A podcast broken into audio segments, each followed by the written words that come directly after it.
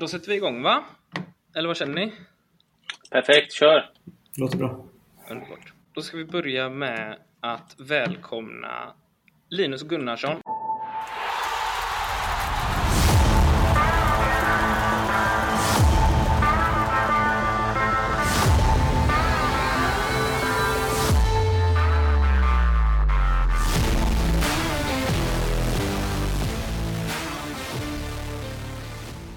Första gästen i eh, Skillspodden. Eh, En podd om eh, fotbollsutveckling på riktigt. Tack så jättemycket. Vilken ära att vara först ut till och med. Eller hur? Eller hur? Eh, Anders hade några andra tips, men vi, vi valde hellre det faktiskt. Tack. Alla inte ens kände- vet i alla fall. Det kändes bäst. Jag har inte lagt in mitt veto än. Nej, det är sant. Det är sant. Ordningen på avsnitten är inte bestämd ännu, men jag kommer bestämma att detta blir första. Så börjar vi där. Det gjorde, när du inledde så, så måste det bli första, fattar du va? Ja, exakt. Det var ju liksom varför, en... en... varför tror du att jag nämnde det direkt? Ja, Ja. precis. Exakt. Nu är det bestämt redan. Eh, vi kommer börja med en, alltså, de första... Nu har det ju stått lite om dig i eh, lite medier och sånt där Linus, men du kanske kan börja med att presentera dig själv? Absolut. Eh, jag heter Linus Gunnarsson. Jag är 27 år gammal. Eh, jag jobbar som eh, biträdande jurist på, på Max advokatbyrå i Göteborg. Vi är en fullservicebyrå, en affärsjuridisk som har en, en grupp som är inriktad på idrottsjuridik och haft det länge.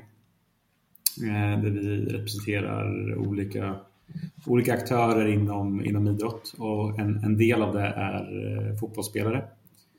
Jag eh, har specialiserat mig mot damsidan de senaste två, tre åren eh, och representerar idag bland annat Stina Blackstenius, Frida Rolfö, Jonna Kaneryd, Amanda Ilestedt eh, och så vidare och så vidare.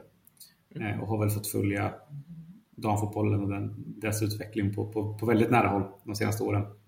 Min, min, min time in där var väldigt rolig så här i efterhand. Mm. Fullt förståeligt. Det har gått rätt okej för de spelarna du, du rabblar upp där också. Får man väl ändå säga. Ja, de, är grymma. Ja. Det får man ändå säga. Eh, något favoritlag? Eller vågar du inte säga? Jag hade det förr, men Ja. eh, man blir lite förstörd av den här branschen. Eller det, det är svårt att ha favoritlag. Det blir ofta att man, man, man hejar på lagen där, där en spelare spelar eh, samtidigt som man inte vill liksom vara färgad i liksom vad, man, vad man råder omkring. Så jag typ, jag har tyvärr tappat det där. Så jag brukar säga att jag har två favoritlag just nu och det är väl dels Karlslunds IF, mitt gamla lag i, Mm. från Örebro. Och dels eh, Torino i, i Italien. För de, Oj! de ställer inte till det så mycket längre. Så. Nej, nej, så fattar. de, de två brukar jag kunna nämna i alla fall. Jag är med dig Linus lite grann där bara. eh, Just det. Jag har heller aldrig riktigt haft något så här, tokfavoritlag. Däremot så gillar jag spelare. Jag följer, följer med spelare liksom, som jag tycker är underhållande att titta på. Inte att jag eh, känner dem liksom så eller jobbar med dem, men jag tycker ju också det. Jag följer lag som spelar underhållande med vissa spelare och sånt, så följer jag hellre det än, än själva lagen. Varför skrattar du åt mig, Marcus? Ja, men du vet ju att vi inte är överens på det här. Du, du är ju ett superfan utan dess like. Du, du, du är ju inte objektiv direkt. Jo, jag, jag är extremt objektiv. Däremot så är, gillar jag Liverpool, men det är ju mycket för att min son eh, är tokig i dem. Och, så då följer jag dem. Och sen är det kul att reta dig, i och med att du håller på Arsenal. I och för sig inte just nu, men tidigare, de senaste tio åren har varit rätt roligt att reta dig. Mm, ja, nu är vi på väg uppåt, både på herr och damsidan. Ser det väldigt bra ut tycker jag. Ja. Ja, Det brukar ju vara på väg uppåt om man frågar Arsenal-supportrar. ja. Det har, varit på väg upp, det har varit på väg uppåt sedan Ner- 2004. ja Och neråt lite kan det inte dippat. gå. Nej, det, nej vi kan lämna Arsenal nu. Men eh, Ja. jag tycker det har sett väldigt bra ut faktiskt. Så att, eh, där är utvecklingen åt rätt håll, helt klart. Yngsta laget på herrsidan också i Premier League förra året. Så att, eh, mm, Det är bra. tror jag det var i alla fall. Ja, det känns bra faktiskt. Eh, vi var inne på, vilket lag var det du sa där förut Linus, som var ditt gamla lag? Eh, Karlslunds IF. Karlslunds IF. Vad har du själv för bakgrund inom fotbollen? Eh, jag spelade fotboll i Karlslunds IF fram tills att jag var 16. Så gick jag till BK Forward som var bättre. Mm. Eh, Sen tröttnade jag helt när jag var 18 och blev fotbollstränare istället. Mm. Eh, och så var jag tränare i Karlslunds IF i tre år och sen började jag plugga juridik och sen har det blivit den vägen istället. Så det har alltid varit fotboll på något sätt. Liksom. Ja, snyggt. Vi som inte är så bra på att spela brukar ju liksom lyckas hålla oss kvar inom fotbollen på något sätt. Karlslunds IF, det känns bekant också. Det är några spelare som kommer därifrån som, eh, som man bör känna till va? Ja, men alltså, just när vi snackar fotbollsutveckling så, så, är det en förening som ligger ganska långt fram skulle jag säga. Det är en ganska ja. välmående förening. Och jag tror att du tänker på Isak Kiese Kalle Holmberg, Oskar Jansson kanske framför allt. Ja. Eh, som har, eh, det är väl de som har stuckit ut mest de senaste åren. Precis, eh, precis. Jake Larsson gjorde det bra för ett par år sedan också i Allsvenskan. Men... Ja, just det. Örebro. Ja. De lider, det... de lider väl lite av att Örebro är inte jättestort, men det finns väldigt många klubbar på samma nivå. Um, vilket gör att det är väl ingen som producerar allt för många på egen hand, utan det delas upp mellan BK Forward och Åkarslunds IF och Rynninge och och Örebro SK och så vidare. Snyggt! Då tänker jag att vi går in på det som den här podden handlar om egentligen. Och den handlar om fotbollsutvecklingen i Sverige, hur vi står oss. Um, nu har jag ju tagit fram lite statistik såklart. Jag är lite nördig och sådär. Men utifrån ditt perspektiv nu, Linus, hur står sig svensk fotboll idag? På dam och herrsidan eller bara damsidan? Det väljer du själv. Jag tänkte precis eh, fråga om du, om du menar mm. herr eller dam, men vi kan väl ta min bild. Eh, mm. Kan vi börja på damsidan eh, där jag jobbar, jobbar närmst. Och min bild är väl att svensk fotboll mår ganska bra på damsidan just nu.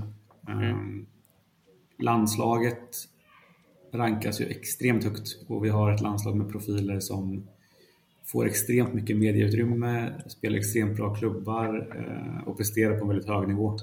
Eh, bara att gå in i ett mästerskap som i somras med liksom ambitionen och nästan kravet att man ska vinna turneringen vet jag inte om ett svenskt landslag har gjort så många gånger förr. Eh, och, och säger väl en del om, om hur långt fram vi ligger. När det kommer till eh, klubblagen så, så har svenska ligan alltid varit väldigt långt fram och haft väldigt stora stjärnor i sig. Men, men utvecklingen går väl mot att bli mer och mer lik den positionen som man har på, på herrsidan. Eh, även om det går långsamt. Alltså ligan är fortfarande bra. Mm. Men de största namnen kommer inte till svenska ligan längre. Det är bara, det är bara två, tre år sedan som, som svenska ligan tog in spelare som, som Christian Press och, och, och Hope Solo och den typen av mm. amerikanska stjärnor och Jenny Hermoso från Spanien. Där, där Tyresö och Kopparberg Göteborg kunde plocka sådana spelare. Eh, och det ser jag inte riktigt hända framöver. Däremot tror du att, så... Ja, ja, förlåt. Ja, men tror, du att det, tror du att det är en ekonomisk fråga i, till 99 procent eller, eller har det med andra saker att göra också?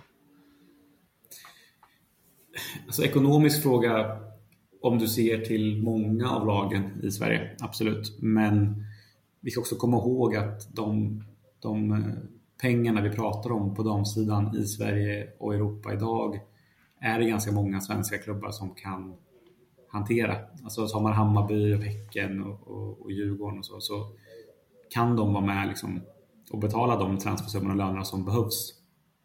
Eh, däremot för klubbar som är lite mindre så, så klart att då blir det en större faktor. Eh, men jag skulle säga att det framförallt har att göra med alltså, alla spelare vill spela där alla andra bra spelare spelar eh, och just nu är det England. Eh, mm.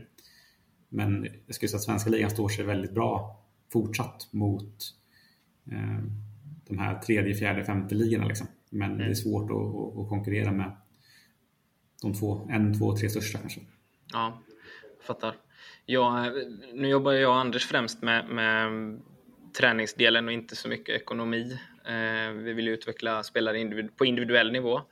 Eh, Katarina på Gritney sa det väldigt bra häromdagen. Det har ju alltid legat ett, eh, en sägen som säger eh, laget före jaget. Eh, Katarina sa jaget för laget. Eh, och det tycker vi eh, det sätter, det liksom ramar in det vi vill göra väldigt bra. Och jag pratade med en damfotbollsspelare för några år sedan som gick till ett eh, som gick till eh, Tyskland.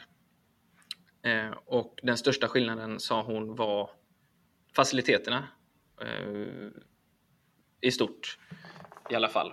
Och jag tror att en ganska stor puck är väl också att många av de största klubbarna i världen har satsat väldigt mycket på damfotboll de senaste åren. Vilket har gjort att, alltså, tittar man på, tittar man på Blåvitt till exempel, eller eh, Hammarby, eller något annat lag i Sverige, så, så har de ju svårt att mäta sig med Barcelona, Bayern München, Arsenal, Chelsea kanske. Både på damsidan och herrsidan. Med tanke på faciliteter och, och ekonomi i det också. Jo, liksom en, en, del av det är väl som jag nämnde, liksom att, att vara där de bästa spelarna är. Mm. Eh, det är ju för att kunna utveckla sig själv så mycket som möjligt eh, till stor del. Mm. Eh, lite högre tempo på träningarna, lite mer professionell omgivning, man får spela lite bättre matcher. Man har större chans att spela bättre matcher. Mm. Mm. Och, och, och därigenom. Sen som du säger, liksom med, med förutsättningarna rent facilitetsmässigt och så vidare så finns det det finns klubbar i Skandinavien idag som har jättebra faciliteter, men det är klart att, att men tar man Häcken som exempel så superbra faciliteter och fyra bra planer på anläggningen. Men mm. ja, vi var med Johanna nu i Chelsea för två veckor sedan. De har 36 planer och så går de yeah. runt på fyra planer i veckan för att kunna ha samma slitage på varje plan, varje träning. Det är klart att det är något nytt. Mm. Ja, det blir lite skillnad, helt klart. Eh, och, och som den nivån när, de stora klubbarna liksom trycker på så pass mycket så då blir, ju, då blir det en skillnad och då är det svårt att hänga med. Men, men däremot så finns det en, en, plats att hitta för svenska klubbar som jag tror att de kan må ganska bra i också. Ja, alltså tittar man på damallsvenskan så var vi ju rankad etta 0304 eh, eh, på, på liksom liganivå så att säga. Och nu har vi halkat ner till en plats fem. Men det kanske är rimligt i liksom paritet med vad vi har för konkurrens då, säger du eller? Absolut, alltså jag, det skulle snarare vara orimligt ifall vi behöll första platsen. Mm. Uh, och jag tror inte det hade varit bra för, för fotbollens utveckling överlag om Sverige hade innehållit första platsen fortfarande. Uh, Nej. För det hade förmodligen betytt att det är någon annan som inte gasar så mycket som de borde. Just det. Håller du med om den uppfattningen, Anders? Ja, jag hamnade ju lite ur studion där ett tag, så jag missade lite. Men jag är med. Är, för mig är det ganska naturligt. Man ser engelska ligan liksom som, som har klättrat. Du ser de här storklubbarna, de faciliteterna de har. Eh, eh um, utvecklingsmöjligheterna de eh, har att erbjuda spelarna. Eh, ekonomin, jag kan inte lönen, lönerna, men de är ju säkert inte mindre än vad de är i Sverige. Men det, det som Linus säger där med jämförelsen av faciliteterna mellan Häcken som har väldigt bra faciliteter och, och, och, eh, och eh, Chelsea då. Det är, ju, eh, det är väl ganska rimligt att man närmar sig eh, herrsidan i, i, i status på, eh, på, på liga eller att man är efter de absolut största då. Spanien, Tyskland, England, USA. Så att det är väl ganska ganska rimligt. Eh, det som, eh, det som skulle oroa mig det är om spelare sticker tidigare och tidigare lite som vi upplever i herrfotbollen. Att, eh, att spelare nästan lämnar innan de eh, spelat i, i, eh, i liksom allsvenskan. Eh, men där är man ju inte riktigt ännu på, på damsidan, tror jag. Eller känner inte jag i alla fall. Nej, det... Ja, förlåt Linus, men det var väl... Alltså den, den senaste av unga är väl kanske Bennison, eller? Och hon ja, väl ändå... Evelina Duljan i förrgår. Ja. Eh, ett år yngre, men gick... Ja, det, det blir samma. I och med att mm. Hanna gick förra året. Just det. Men eh, nej, det blir ju vanligare och vanligare det också såklart. Alltså, det, det ligger väl lite i tiden. Alltså, fotbolls-Europa blir ju mindre och mindre. Eh, vilket är ganska naturligt. Ehm, men samtidigt som, som Anders säger att, att man kanske helst vill se spelarna representera A-laget i, i, i, en klubb i Sverige innan man, man lämnar. Alltså jag är väl lite tudelad kring det. Liksom. Jag tror att det är helt rätt för vissa men inte för andra. Ehm, ska man se på ligans utveckling så är det ju fantastiskt. Då vill vi ju verkligen att alla ska göra så. Mm. Men, men sen finns det också liksom ett spelarperspektiv som, att ta hänsyn till, i alla fall i, i min roll eh, såklart. Eh, sen, sen, så är väl jag mer av uppfattningen att, att slå igenom i sin liga är väl ofta liksom det jag ser som det bästa att göra snarare än att sticka väldigt tidigt. Men man måste också ha med sig att, att vissa behöver sticka tidigt och mår jättebra av det. Mm. Det är ju det är svårt också. Eh, man, man, man vill ju alltid utvecklas och bli, de flesta unga duktiga, de vill ju bli så bra som de kan bli och så tänker man kanske vad, vad kan jag bli, vad kan jag utveckla, eh, utvecklas mest?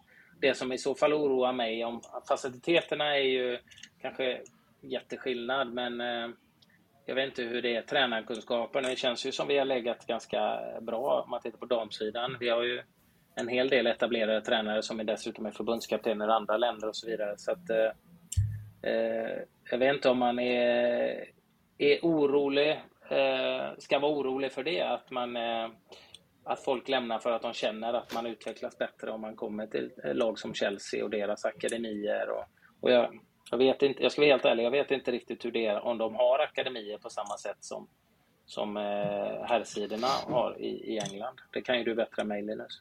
Det är inte på samma nivå om man säger så. Det är väl lite mer i utvecklingsstadiet. Men de finns det är ju, liksom att, att, lämna en, eh, ett ungdomslag i Hammarby till exempel till att gå till Chelseas ungdomslag.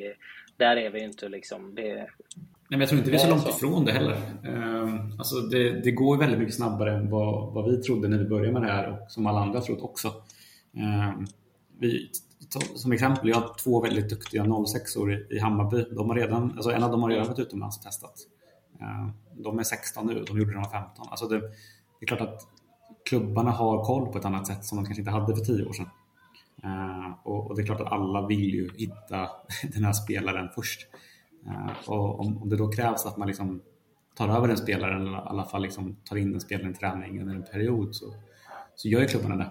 Eh, men, men samtidigt, jag menar, det, det, blir lite svårt att liksom jag tycker hela diskussionen är ganska svår för många säger att amen, om vi inte ger spelarna chansen i, i, i allsvenskan och damallsvenskan så, så flyttar de utomlands istället så att man måste ge dem chansen för att de ska stanna. Men det är inte liksom, jag vet inte om det är sant heller för det att, att man lämnar ju liksom inte en allsvensk förening för att man inte får chansen och går till Italien för då får man absolut inte chansen. Utan då är det ju som du säger Anders, att då handlar det bara om en träningsmiljö i så fall.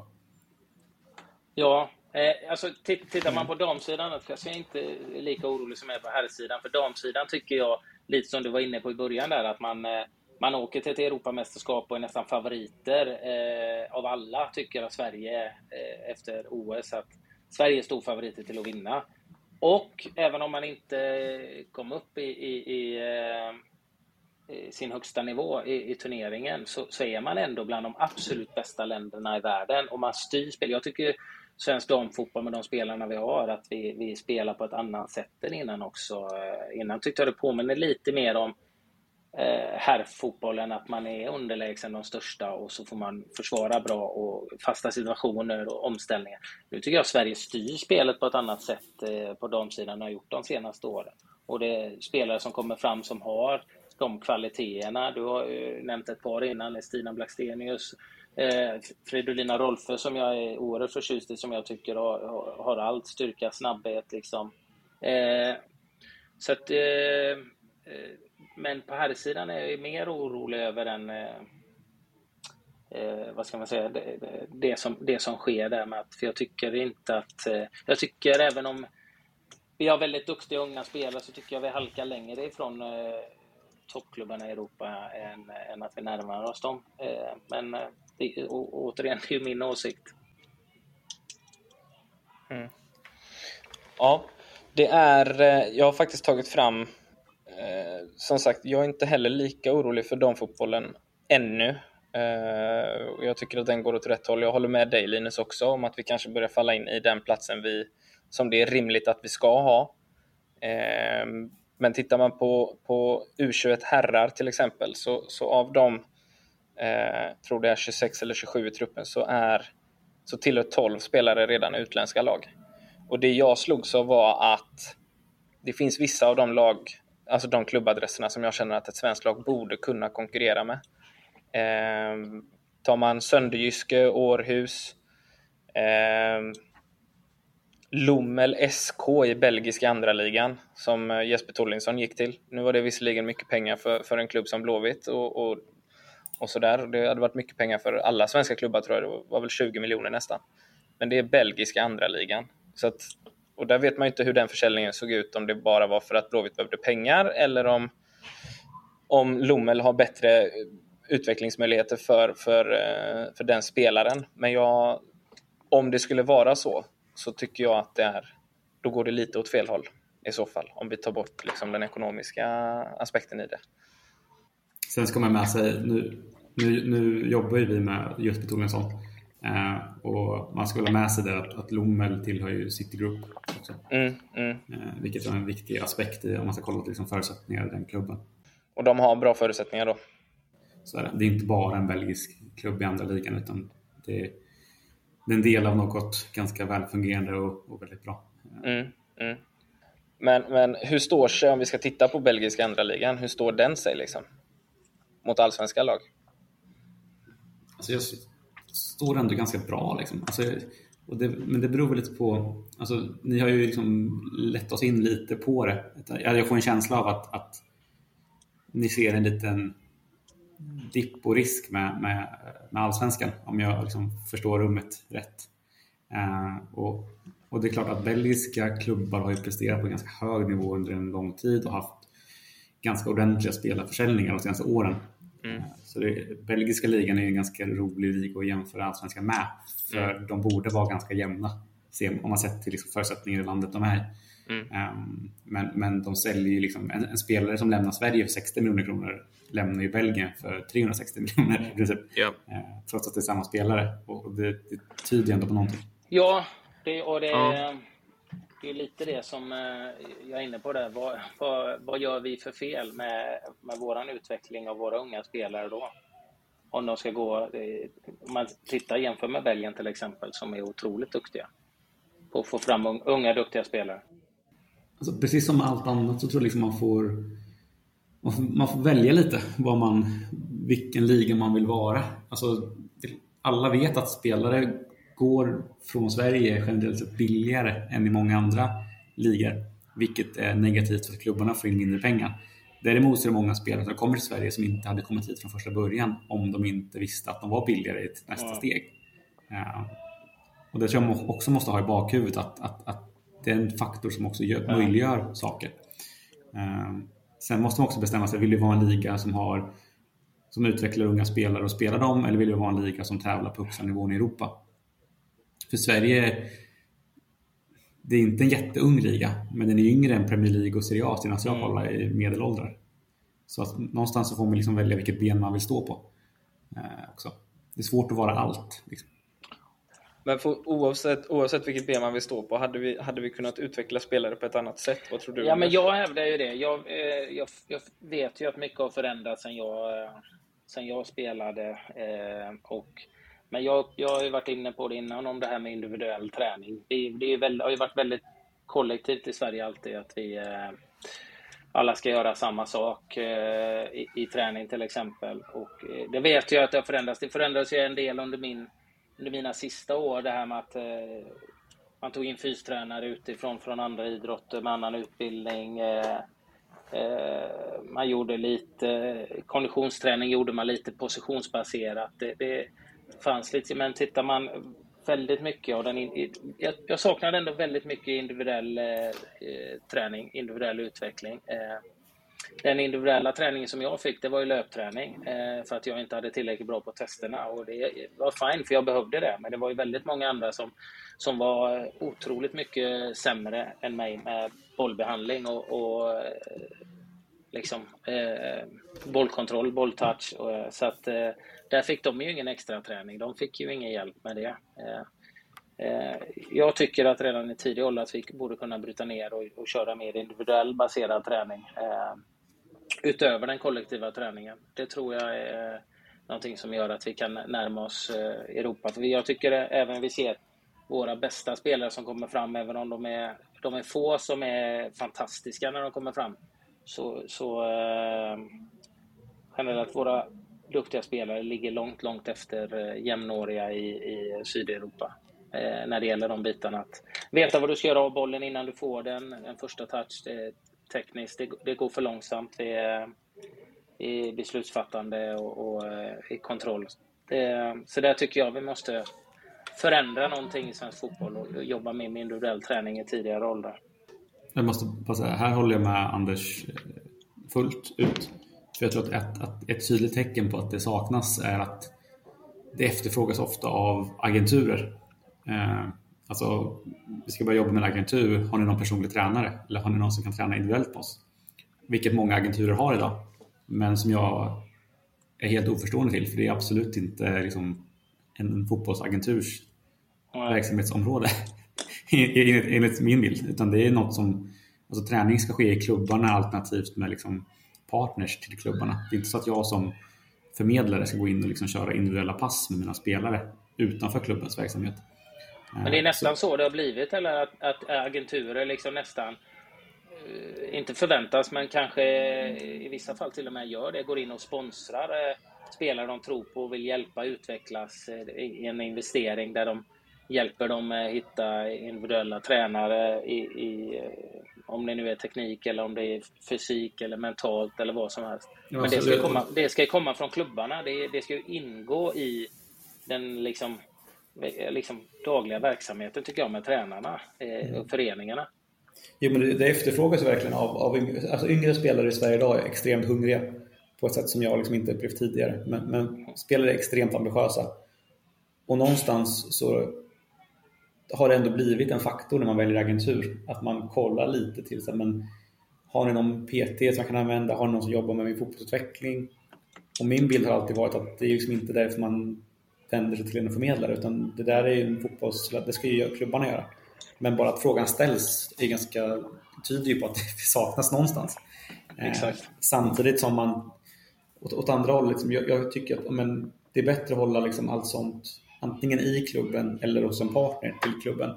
Eh, så, så klubben har kontroll på spelarens träning. För argumentet emot, som klubbar ofta för, är att man vill ha koll på spelarnas belastning. Och någonstans så tappar du den kontrollen ifall du har liksom en tredje part som tränar din spelare.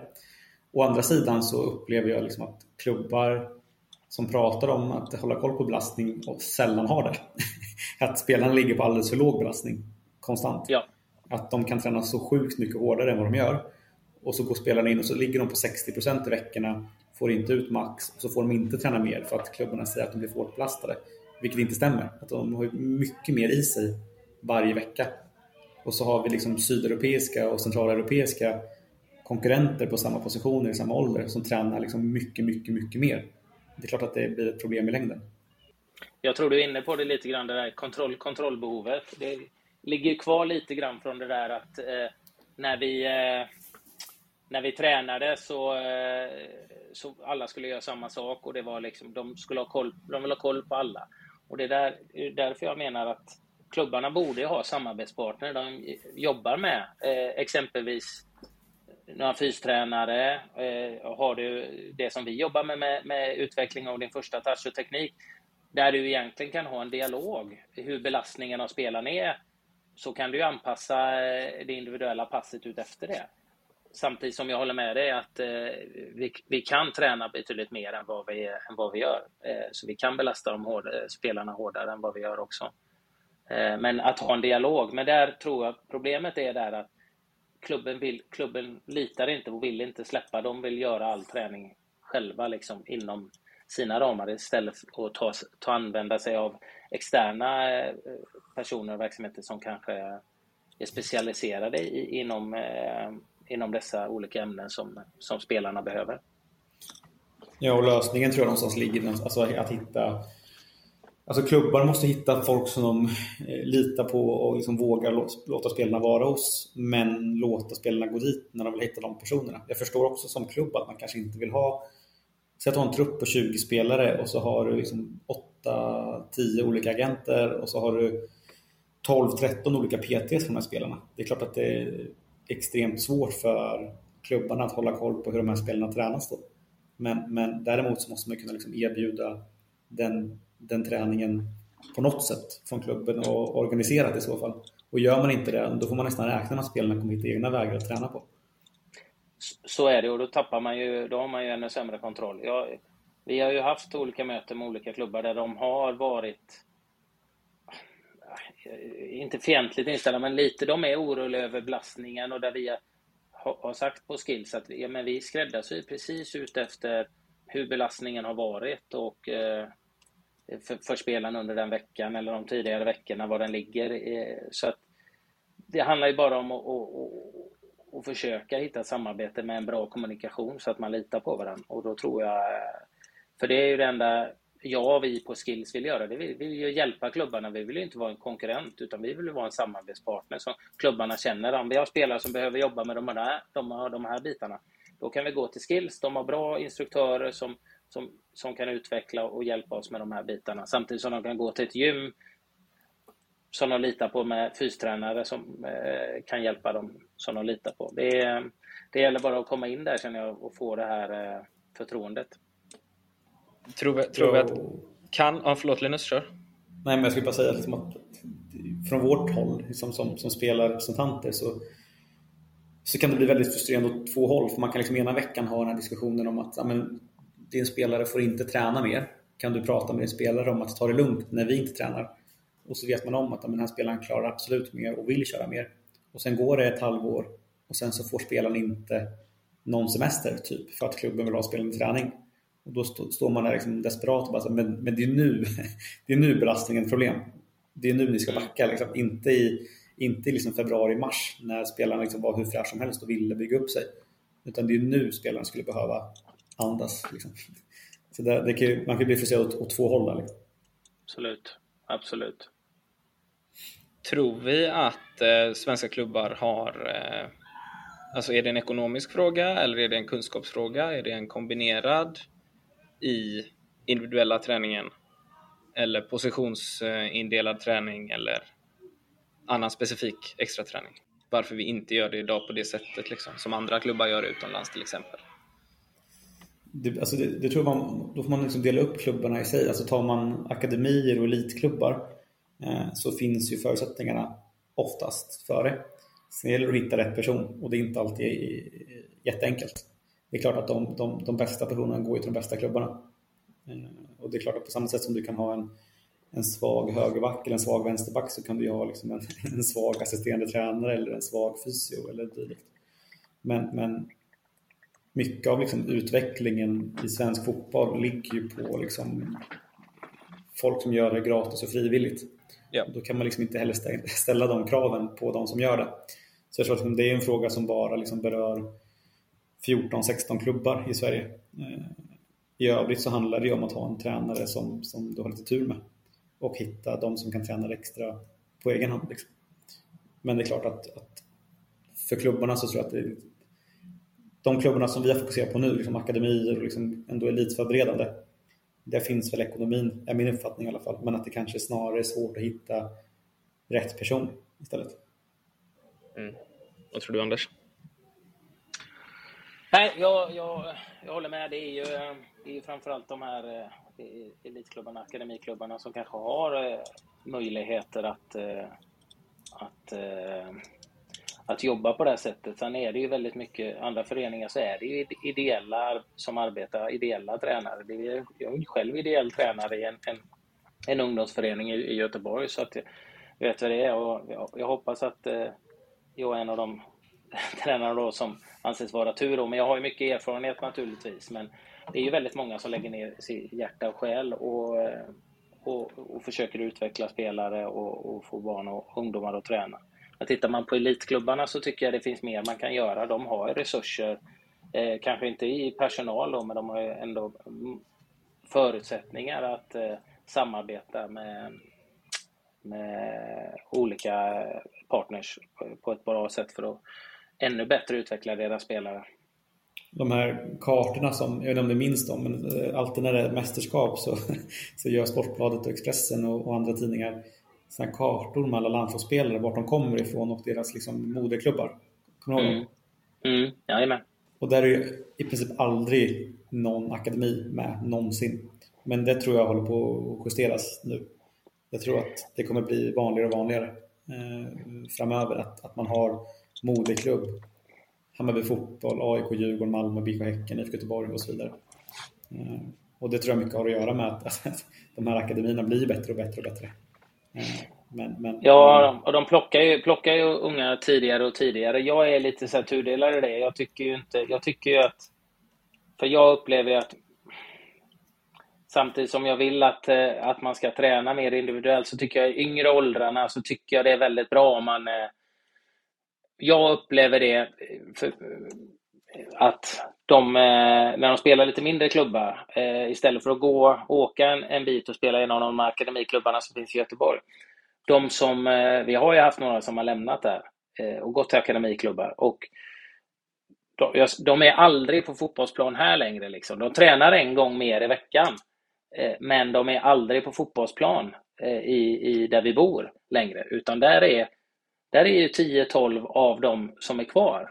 Och den, den extra träningen tror jag är ganska viktig i de eh, tidiga unga åldrarna. För det var, som jag upplevde för mig själv, var jag alltid ute och spelade. Det var där jag hittade mycket lösningar på olika problem. Jag tycker den spontan, eh, spontanspelandet är väl otroligt viktigt, framförallt i de yngre åldrarna. Sen så tror jag också, som du säger, att tiderna förändras så att det, det kommer vara, man kommer gå tidigare till akademier eh, och eh, det kommer eh, och, säkert vara mer eh, toppklubbar i de här kartorna framöver. Men jag tror ju fortfarande att eh, jag tror inte på det här att gå till en akademiklubb direkt. Ja, det kan gå, men jag är rädd att man bränner ut ungdomarna också om man kör från sju, sju års ålder. Liksom. allvar, stenhård träning uppdelat i nivå från för tidigt och för mycket. Vilket gör att du inte hinner kolla med någon annan, jobba med någon annan idrott heller. så där, den är svår, men där, det är så jag känner i alla fall. Där är du inne lite mer på folkhälsa och sådär ändå va? Eller? Eller tror du ja, att det gynnar jag... svensk fotboll överlag också? Jag, jag, jag är bara rädd att eh, kommer ifrån kanske kärnan lite, men just det där med att eh, akademiklubbarna då med mode, moderklubbar, eh, att man har akademiklubb som eh, sin moderklubb. Jag vet inte om, eh, om det är det bästa att man ska börja i, i en klubb liksom tidigt. För moderklubb är ju oftast där vad räknar man det från? Det är när man börjar spela fotboll, de första åren. Och, eh, är det det man räknar som en akademiklubb på de här kartorna? Jag minns faktiskt inte det, men det kanske är så. Och då, eh, då är jag inte så säker på att det kommer att öka eh, lavinartat. Eh, jag, eh, jag tror eh, ur den synpunkten inte att det kanske är svinbra att, att vara i en akademiklubb från början. Eh, jag är rädd att folk kan bli, att de kan bli utbrända, trötta om det blir för allvarligt för tidigt.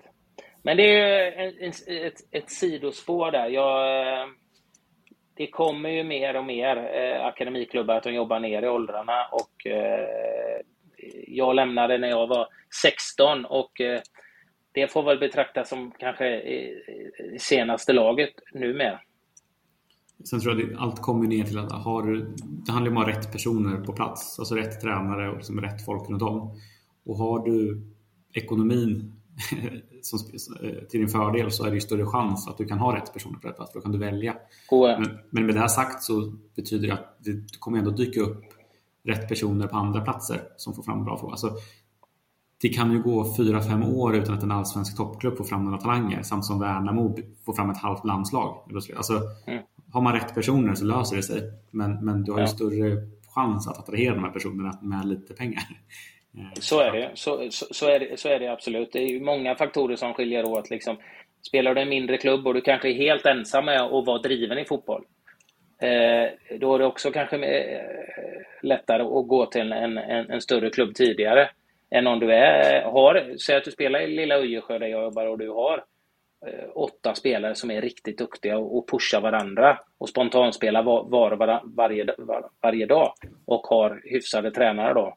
Så så kan det vara väl så bra som att gå till en eh, akademi då vid 8, 9, 10 års ålder liksom. Tror jag. Mm.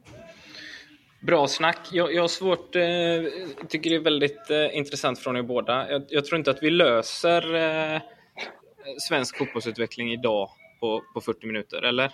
Det, kän, det känns som Nej. att det är en lite större kaka. Det, Ja, och vi kommer ifrån, det. Och jag har inte alla rätta svar heller. Jag tycker om att bolla Nej. idéer och tankar. Och jag lyssnar gärna in och, och, och, och tar eh, synpunkter från andra också. Så att jag liksom in, inte så. Men eh, Eh, jag, jag, tycker generellt att, eh, och det har vi varit inne och Linus hållit med också om, där att klubbarna borde kunna se till att ge eh, sina spelare mer individuell eh, träning och utveckling. Och för en bättre utveckling. Mm. Det är inte agenterna som ska göra det och deras rådgivare i alla fall som, som står för det. För då får du det här som Linus tar upp också, det här med att eh, du har tio, tio spelare som har sju olika mm. eh, tränare. Då har klubben ingen aning om vad de kör för extra och vilken belastning de ligger på. Nej, Nej jag håller helt med.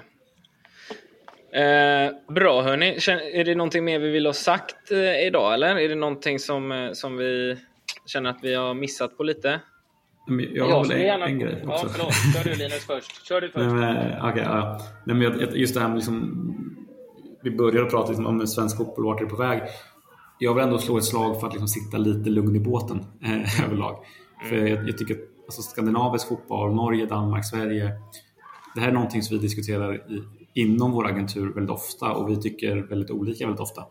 Men, men det har en tendens att gå lite i vågor. Eh, och man har några bra år, så har man några dåliga år och så när man har några bra år så, så är svensk fotboll på väg i helt rätt riktning och så har man ett par dåliga år så är man på väg i helt fel riktning. Och, och frågar du liksom gemene man på stan nu så tror jag inte folk Alltså vissa säger att svensk fotboll är bättre än någonsin och vissa säger att den är sämre än någonsin. Och jag tror att det är svårt att liksom värdera det där. Eh, det är klart att backar du några år liksom när man har Malmö i Champions League, då tyckte alla att det kändes fantastiskt.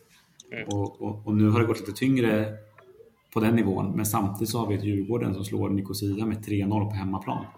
Eh, jag tror att Norge är fantastiskt bra just nu, absolut. Men det är också så skandinavisk fotboll har sett ut. Det går lite fram och tillbaka och så turas man lite om Danmark, Sverige, Norge. Typ.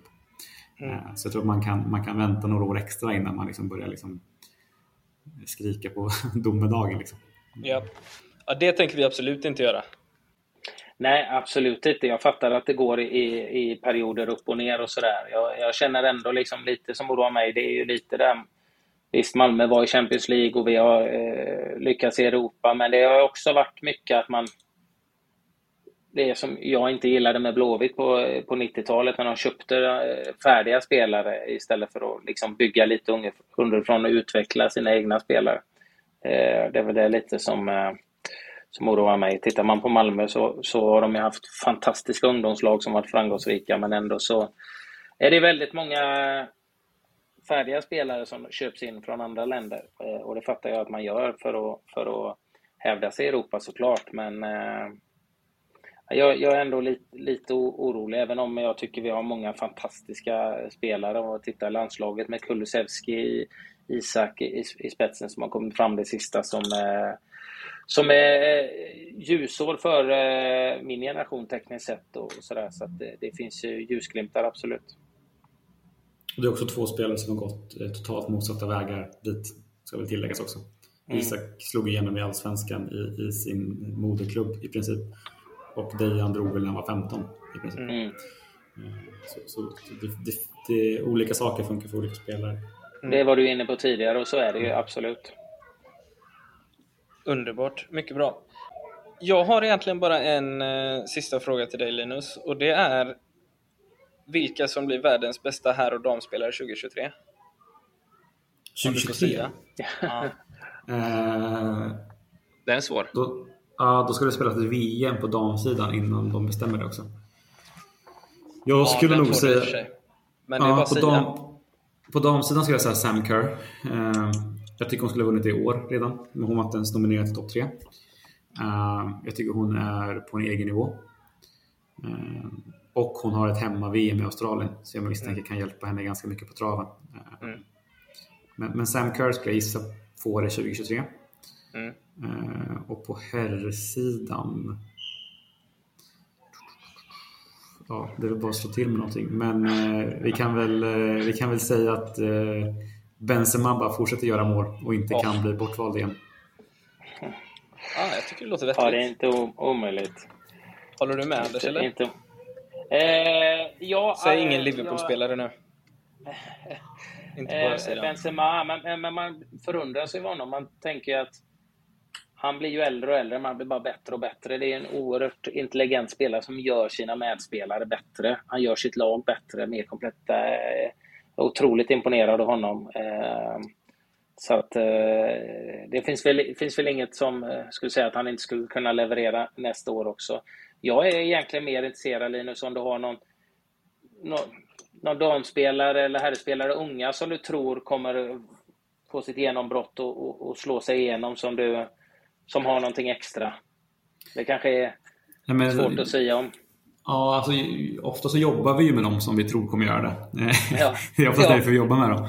Men, ja ja men jag, jag, kan väl, jag har två spelare som, som har gjort det ganska bra under en, under en lång tid nu och som borde få sitt stora genombrott. Den ena är eh, Anna Sandberg som precis gick till BK Häcken för en stor summa pengar. Eh, som är, ja, men det, det, det är en spelstil som är den växer inte på träd direkt. Alltså extremt snabb, extremt fin vänsterfot, vänsterback. Eh, extremt duktig en mot en defensivt. Eh, och hon var med i veckans lag, jag vet inte hur många gånger, under sin debutsäsong. Och, och jag tror hon, hon är född 2003, eh, men jag tror hon spelar A-landslagsfotboll inom mindre än ett år. Eh, och sen har vi även Sofie Bredgard som vi tog till Rosengård i höstas som har gått in och blivit någon slags central offensiv spelare för Rosengård redan nu och gjorde väldigt bra ifrån sig i, EM med Danmark. Hon är född 2002.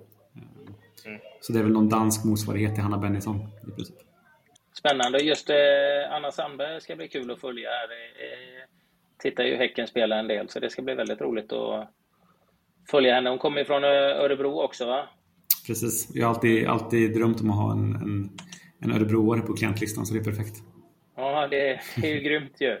Nej, men just med snabbhet, fin vänsterfot. Eh, ja, nej, det, är, det är unikt, så det, det ska bli spännande att följa. Ska du börja hålla på Häcken då, Anders, eller? Eller du är objektiv? Nej, men återigen, vad, vad sa jag? Ett, häcken är ett lag som jag tycker om att kolla på, även om jag inte har någon relation till det. För jag tycker alltid de har spelat en rolig fotboll. Eh, de försöker spela det underhållande fotboll och jag tycker också att deras spelare utvecklas eh, när de är där. Ja, de gör någonting som, eh, som helt klart är rätt. Mm. Som funkar bra, tycker jag. Ja, det ska bli kul att följa. Eh, båda de spelarna du nämner och alla andra såklart. Vi älskar ju all fotboll. Är ganska givet. Eh, så kommer vi pausa där för idag, tror jag. Om ni känner er nöjda. Tack så jättemycket. Jag är jättenöjd. Underbart, Tack så jättemycket underbart. Linus för att du eh, tog dig tid och köta lite med oss. Det är ingen fara. När en VM-hjälte ringer så svarar man. Marcus tänker du på? ja. Jag var med i Bull där för tio år sedan. Ja, ja. ja. Ja, men grymt. Ja, nej, jätte, Vi, jättekul. Och som sagt, det är alltid roligt att få lite insight. Ibland blir man låst i sina egna tankar också. Därför är det nyttigt att, att höra från andra också. Då får man lite andra eh, vinklar och perspektiv på, på saker och ting, hur det ser ut och hur det funkar. Så det är uppskattat. Ja, vi tackar för att du var med Linus. Ja, tack så jättemycket.